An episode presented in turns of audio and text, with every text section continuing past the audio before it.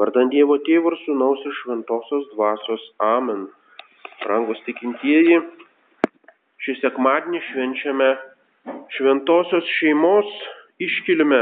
Tai yra trys švenčiausi asmenys - betarpiška, įsikūnijusio ir gimusio Dievo Sūnaus aplinka, sudaranti sąlygas aukti, vystytis Jėzaus Kristaus žmogiškai prigimčiai, teikianti jam maistą, pastogę, apsaugą nuo persekiotojo erodo, globą iki pat pradedant jam viešąją misiją. Tai buvo šventosios šeimos užduotis. Ir šita šeima, šventoji šita šventė patvirtina, kad Naujasis testamentas yra tobula religija, atsižvelginti į visas gyvenimo aplinkybės, į visus luomus, apšviečianti malonės spinduliais ne tik kunigų ir vienuolių luomus, bet taip pat šeimos luomą. Ta religija perkeičia ir pakilėja ne vien individus, atskirus žmonės, bet ir visuomenės gyvenimą, o šeima yra bet kokio socialinio sambuvio visos visuomenės ir taip pat valstybės užuomasga. Taigi šitoje šeimoje matosi būtent krikščionybės rūpestis visų socialinių žmonių gyvenimu, taip pat šeimos pašaukimu e, į santoką. Ši šventė siekia iškelti prieš visų šeimų akis tos tobulos šeimos pavyzdį, nurodyti tą siektiną idealą, paskatinti kreipti su maldomis į tuos, tris švenčiausius asmenis, į kūdikėlį Jėzų, į Dievo motiną, kuri yra kartu ir visų šeimų motina ir bažnyčios motina ir taip pat į globėją Juozapą, kuris yra ne tik tai Jėzaus globėjas, šventosios šeimos globėjas, bet taip pat ypatingas patronas visos e, šventosios bažnyčios ir taip pat visų šeimų šeimininio gyvenimo globėjas. Šios dienos Evangelija tai praktiškai vienintelė evangelinė žinia iš tų daugelio metų, kurios Jėzus praleido šventosios šeimos apsuptyje po grįžimo į Egiptą iki pat Jono Krikštitojo e, sutikimo, iki e, Krikšto Jordane. Visas tas periodas 30 metų mes apie jį labai mažai žinome. Praktiškai šios dienos Evangelija yra vienintelė žinia apie tai ir apie ką, kas mums pranešama joje. Tai yra bendra malda Jeruzalės šventykloje ir paskui bendras darbas, bendras gyvenimas Nazarete. Tai yra du dalykai. Tai yra lik trumpas pamokslas be žodžių apie tas dvi kiekvienos krikščioniškos šeimos gyvenimo dalis. Tai yra pirmiausia malda, kreipimasis į tėvą, nuo kurio kiekviena tėvystė danguje ir žemėje turi vardą, kaip skaitome Naujame testamente, ir darbas, tai yra luomo pareigų atlikimas, kasdienės duonos uždirbimas, globojant to dangiškojo tėvo apvaizdai. Tai yra būtent esminiai punktai santokinio arba šeimininio gyvenimo.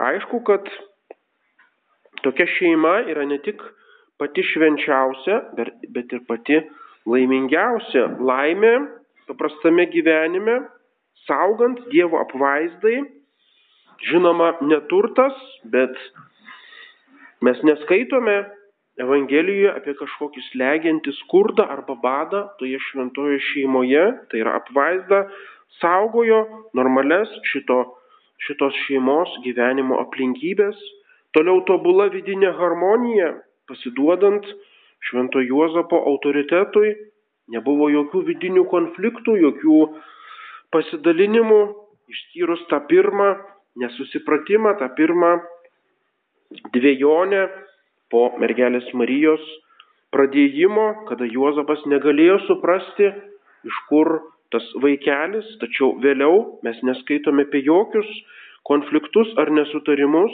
šita šeima visą laiką vieninga, vieningai e, keliauja į Egiptą, grįžta, paskui darbuojasi, tai yra vidinė harmonija kaip didžiausia laimė šitos šeimos, Toliau ant gamtinė dvasia suvokimas, kad Dievas yra tos šeimos namų viduryje arba centre, kad Visos gyvenimo detalės yra tarnavimas tam įsikūnijusiam Dievui, tai lyg tokia liturgija, lyg namų bažnyčios kultas, visa tai, visi tie elementai sudaro šventosios šeimos laimę. Tai yra tikrai laimingiausia šeima. Šventosios šeimos laimės paslaptis yra jos paslėptasis gyvenimas, taip vadinamas kaip šventieji rašo, gyvenimas, kuris nematomas aplinkai, kuris nematomas kaimynams, kitiems žmonėms, paslėptasis gyvenimas arba vidinis gyvenimas arba mistinis gyvenimas.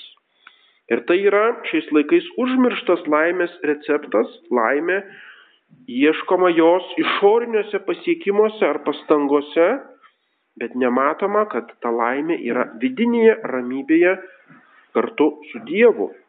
Taip kaip rašo paštalas Paulius, kolosiečiams šios dienos skaitinyje, jūsų širdise tie viešpatauja Kristaus ramybė, į kurią esate pašaukti viename kūne. Tas vienas kūnas yra šventoji šeima ir būtent jame viešpatauja šita Kristaus, Kristaus ramybė. Taigi, ši šventosios šeimos šventė pabrėžia tą paslėptą į gyvenimą prieš visą šių laikų, moderniųjų laikų tendenciją, prieš pasaulio e, siekimą būtent išorinių dalykų arba veržimasi į išorinę, išorinę kažkokią sėkmę. Viešpats Jėzus paklaustas fariziejų, kada ateis Dievo karalystė, jisai tarė, Dievo karalystė ateina nepastebimai ir niekas net nepasakys, štai ji čia arba ten, juk Dievo karalystė jau yra tarp jūsų arba yra jumise. Taigi, tais žodžiais ragina Jėzus Kristus statyti tą Dievo karalystę, tai yra išganimo darbą ne ant išorinių dalykų, ant vidinio, to paslėpto arba, kaip sakoma, mistinio gyvenimo, kas yra nematoma jūslėms. Dievo karalystė yra jumise, o ne ji čia arba ten kažkokiuose išoriniuose apsireiškimuose. Sielos gyvenimas svarbesnis už kūno gyvenimą. Vidus yra svarbesnis už išorę. Ant gamtinės paslaptis yra svarbesnės už regimus materialius dalykus. Kaip apaštlas Paulius rašo romiečiams, Dievo karalystė nėra valgys ir gėrimas, bet teisingumas, ramybė ir džiaugsmas šventoje dvasioje. Ir tai galioja asmeninėme gyvenime ir taip pat šeimos gyvenime. Tokia Dievo karalystė jau yra mumise, jeigu mes turime Dievo malonę, yra mūsų tarpe, tai yra tarp šeimos narių, tarp visuomenės narių, jeigu jie laika, laikosi krikščioniškos meilė, artimo meilės. Taigi ta ramybė nėra Dievo karalystė nėra išoriniuose dalykuose ar išoriniuose pasiekimuose. Ir tai skatina atsigręžti į tą vidinį gyvenimą, jį labiausiai vertinti kaip tikrąjį, tikrąjį iš tikrųjų vertą to vardo gyvenimą. Kūnas yra iš išorės, siela yra viduje, bet ta išorė tai yra pagalba, tai yra išoriniai rėmai arba įrankiai vidiniam sielos veikimui. Kūno poreikiai teisėti, jie turi būti patenkinti, bet kūnas tai yra priemonė, jis negali būti iškeltas kaip savitikslis, todėl reikia rūpintis sielos gyvenimu, reikia rūpintis išlikimu be nuodėmės. Tai yra svarbiau negu išorinė gerovė ar praturtėjimas ar e, koks nors e, mokslas, vaikų išmokslinimas ir taip toliau ištobulinimas dorybėmis, apvalimas nuo nuodėmės sutepimo, išsisaugojimas maloniai iki paskutinės valandos, rūpinimasis amžinuoju likimu. Tai yra daug labiau kertiniai ir esminiai šeimos gyvenimo dalykai, negu kad darbas, e, namai, praturtėjimas, švietimas ir visi kiti dalykai. Kaip sako viešpats Jėzus Kristus, mato Evangeliją, kokia būtų nauda žmogui, jei jis gautų visą pasaulį, bet pakenktų savo sielai. Arba ką žmogus duoti mainais už savo sielą. Tad pirmiausia, ieškokite Dievo karalystės ir jo teisingumo, o visa kita bus pridėta. Būtent tai vykdė šventoji šeima. Turėjo savo namelius Nazarete, turėjo staliaus dirbtuvės, kažkokia virtuvė, rūpinosi šitą kasdieną, bet visa tai nebuvo tos šeimos gyvenimo esmė. Visų to šeimos narių širdis buvo panirusios Dieve, Dievo paslaptise ant gamtinėje tikrovėje. Tai buvo tikrasis tos šeimos gyvenimas. Ir tai yra idealas visų laikų, taip pat ir mūsų, laik, mūsų laikotarpio šeimoms. Tas idealas iškeliamas pačios bažnyčios. Šeima negali išlikti, jeigu nestatoma ant vidinio paslėpto gyvenimo fundamento, jeigu joje nėra to vidinio principo, kuris, kurio visa kita remiasi. Jeigu pirmiausia nesirūpinama malonės įgyjimu, išlaikymu, ar Dievas palankiai į mus žiūri, ar laimina mūsų šeimą, ar esame pilnoje taikoje su Dievu, kaip atrodome Dievo akise. Tai yra fundamentalūs dalykai šeimos gyvenimui. Jei tai nėra pirmas rūpestis, jei visos mintis, visos intencijos yra nukreiptos tik tai į namų plėtimą, į darbą, uždarbį, mokyklą, sveikatą, atostogas ir taip toliau, tada nebelieka to teisingumo, ramybės ir džiaugsmo šventoje dvasioje, kaip sako paštlas Paulius. Šeimos nariai ima žiūrėti savo interesų, ima gyventi vienas šalia kito, besirūpindami savo autonomiją, savo privatumu, nauda, o ne visų bendrų gėrių. Menki visokie charakterio nesutarimai, nuomonių skirtumai išauga iki audringų konfliktų, kovos, priekaištų vienas kitam ir tada laikomasi tik tai dėl to, kad kažkokie yra materialinis išskaičiavimas, kad yra bendra nuosavybė ir taip toliau. Tada prie šeimos stalo kalbama apie bereikšmius dalykus, apkalbami visi aplinkiniai, apkalba šeimos nariai vieni kitus, kaip ugnies vengiama tokiuose pokalbiuose Jėzaus vardo ar kažkokių religinių temų užsiminimo apie bažnyčią, apie tikėjimo dalykus. Šeimos nariai nebepadeda vienas kitam įveikti tikėjimo sunkumų, nebepadeda ugdyti darybių, nėra kalbos apie bendrą maldą, apie kažkokias minimales apeigas. O tai yra svarbiausia šeimos gyvenime. Kas cementuoja tą šeimą? Tai yra Malda prieš valgį po valgio, prieš kelionę po kelionės, ryto ir vakaro malda, kažkoks bendras rožančius, taip pat yra raginama maldaknygis, yra tėvų palaiminimas vaikams, kas dažnai šiandien užmirštama. Tai yra pažadų laikymasis, tai yra atsiprašymas ant gamtinėje dvasioje už e, visokius prasižengimus ir taip toliau.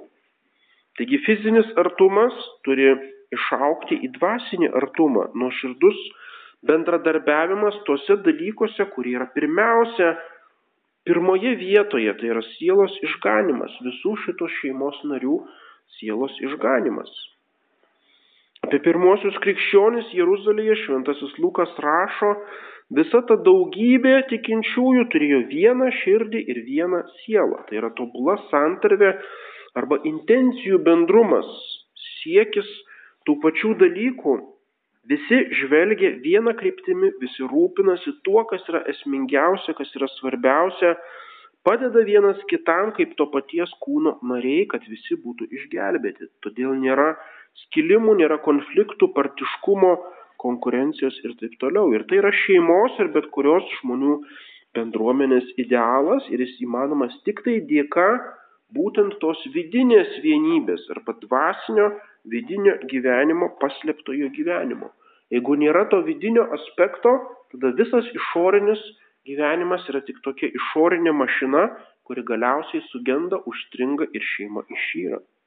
Todėl sekime šitą šventąją šeimą, melskime jos globos, žvelgime ypač kalėdų laikų į prakartėlyje, į tos asmenis, kūdikėlį Jėzų, švenčiausią mergelę Mariją, šventąjį Juozapą, žvelgime į šventąją šeimą kaip į Dievo karalystės žemėje tokią užuomasgą arba tobulą modelį, pirmąją šventųjų bendrystę, tą šventųjų bendravimą, iš kurio išauga visa bažnyčia ir su tos šventosios šeimos užtarimu. Pasieksime tą Dievo karalystę, kuri ateina nepastebimai, kurie yra jau mumise, kurie yra tarp mūsų. Amen. Vardant Dievo Tėvų ir Sūnaus iš Šventosios Dvasios. Amen.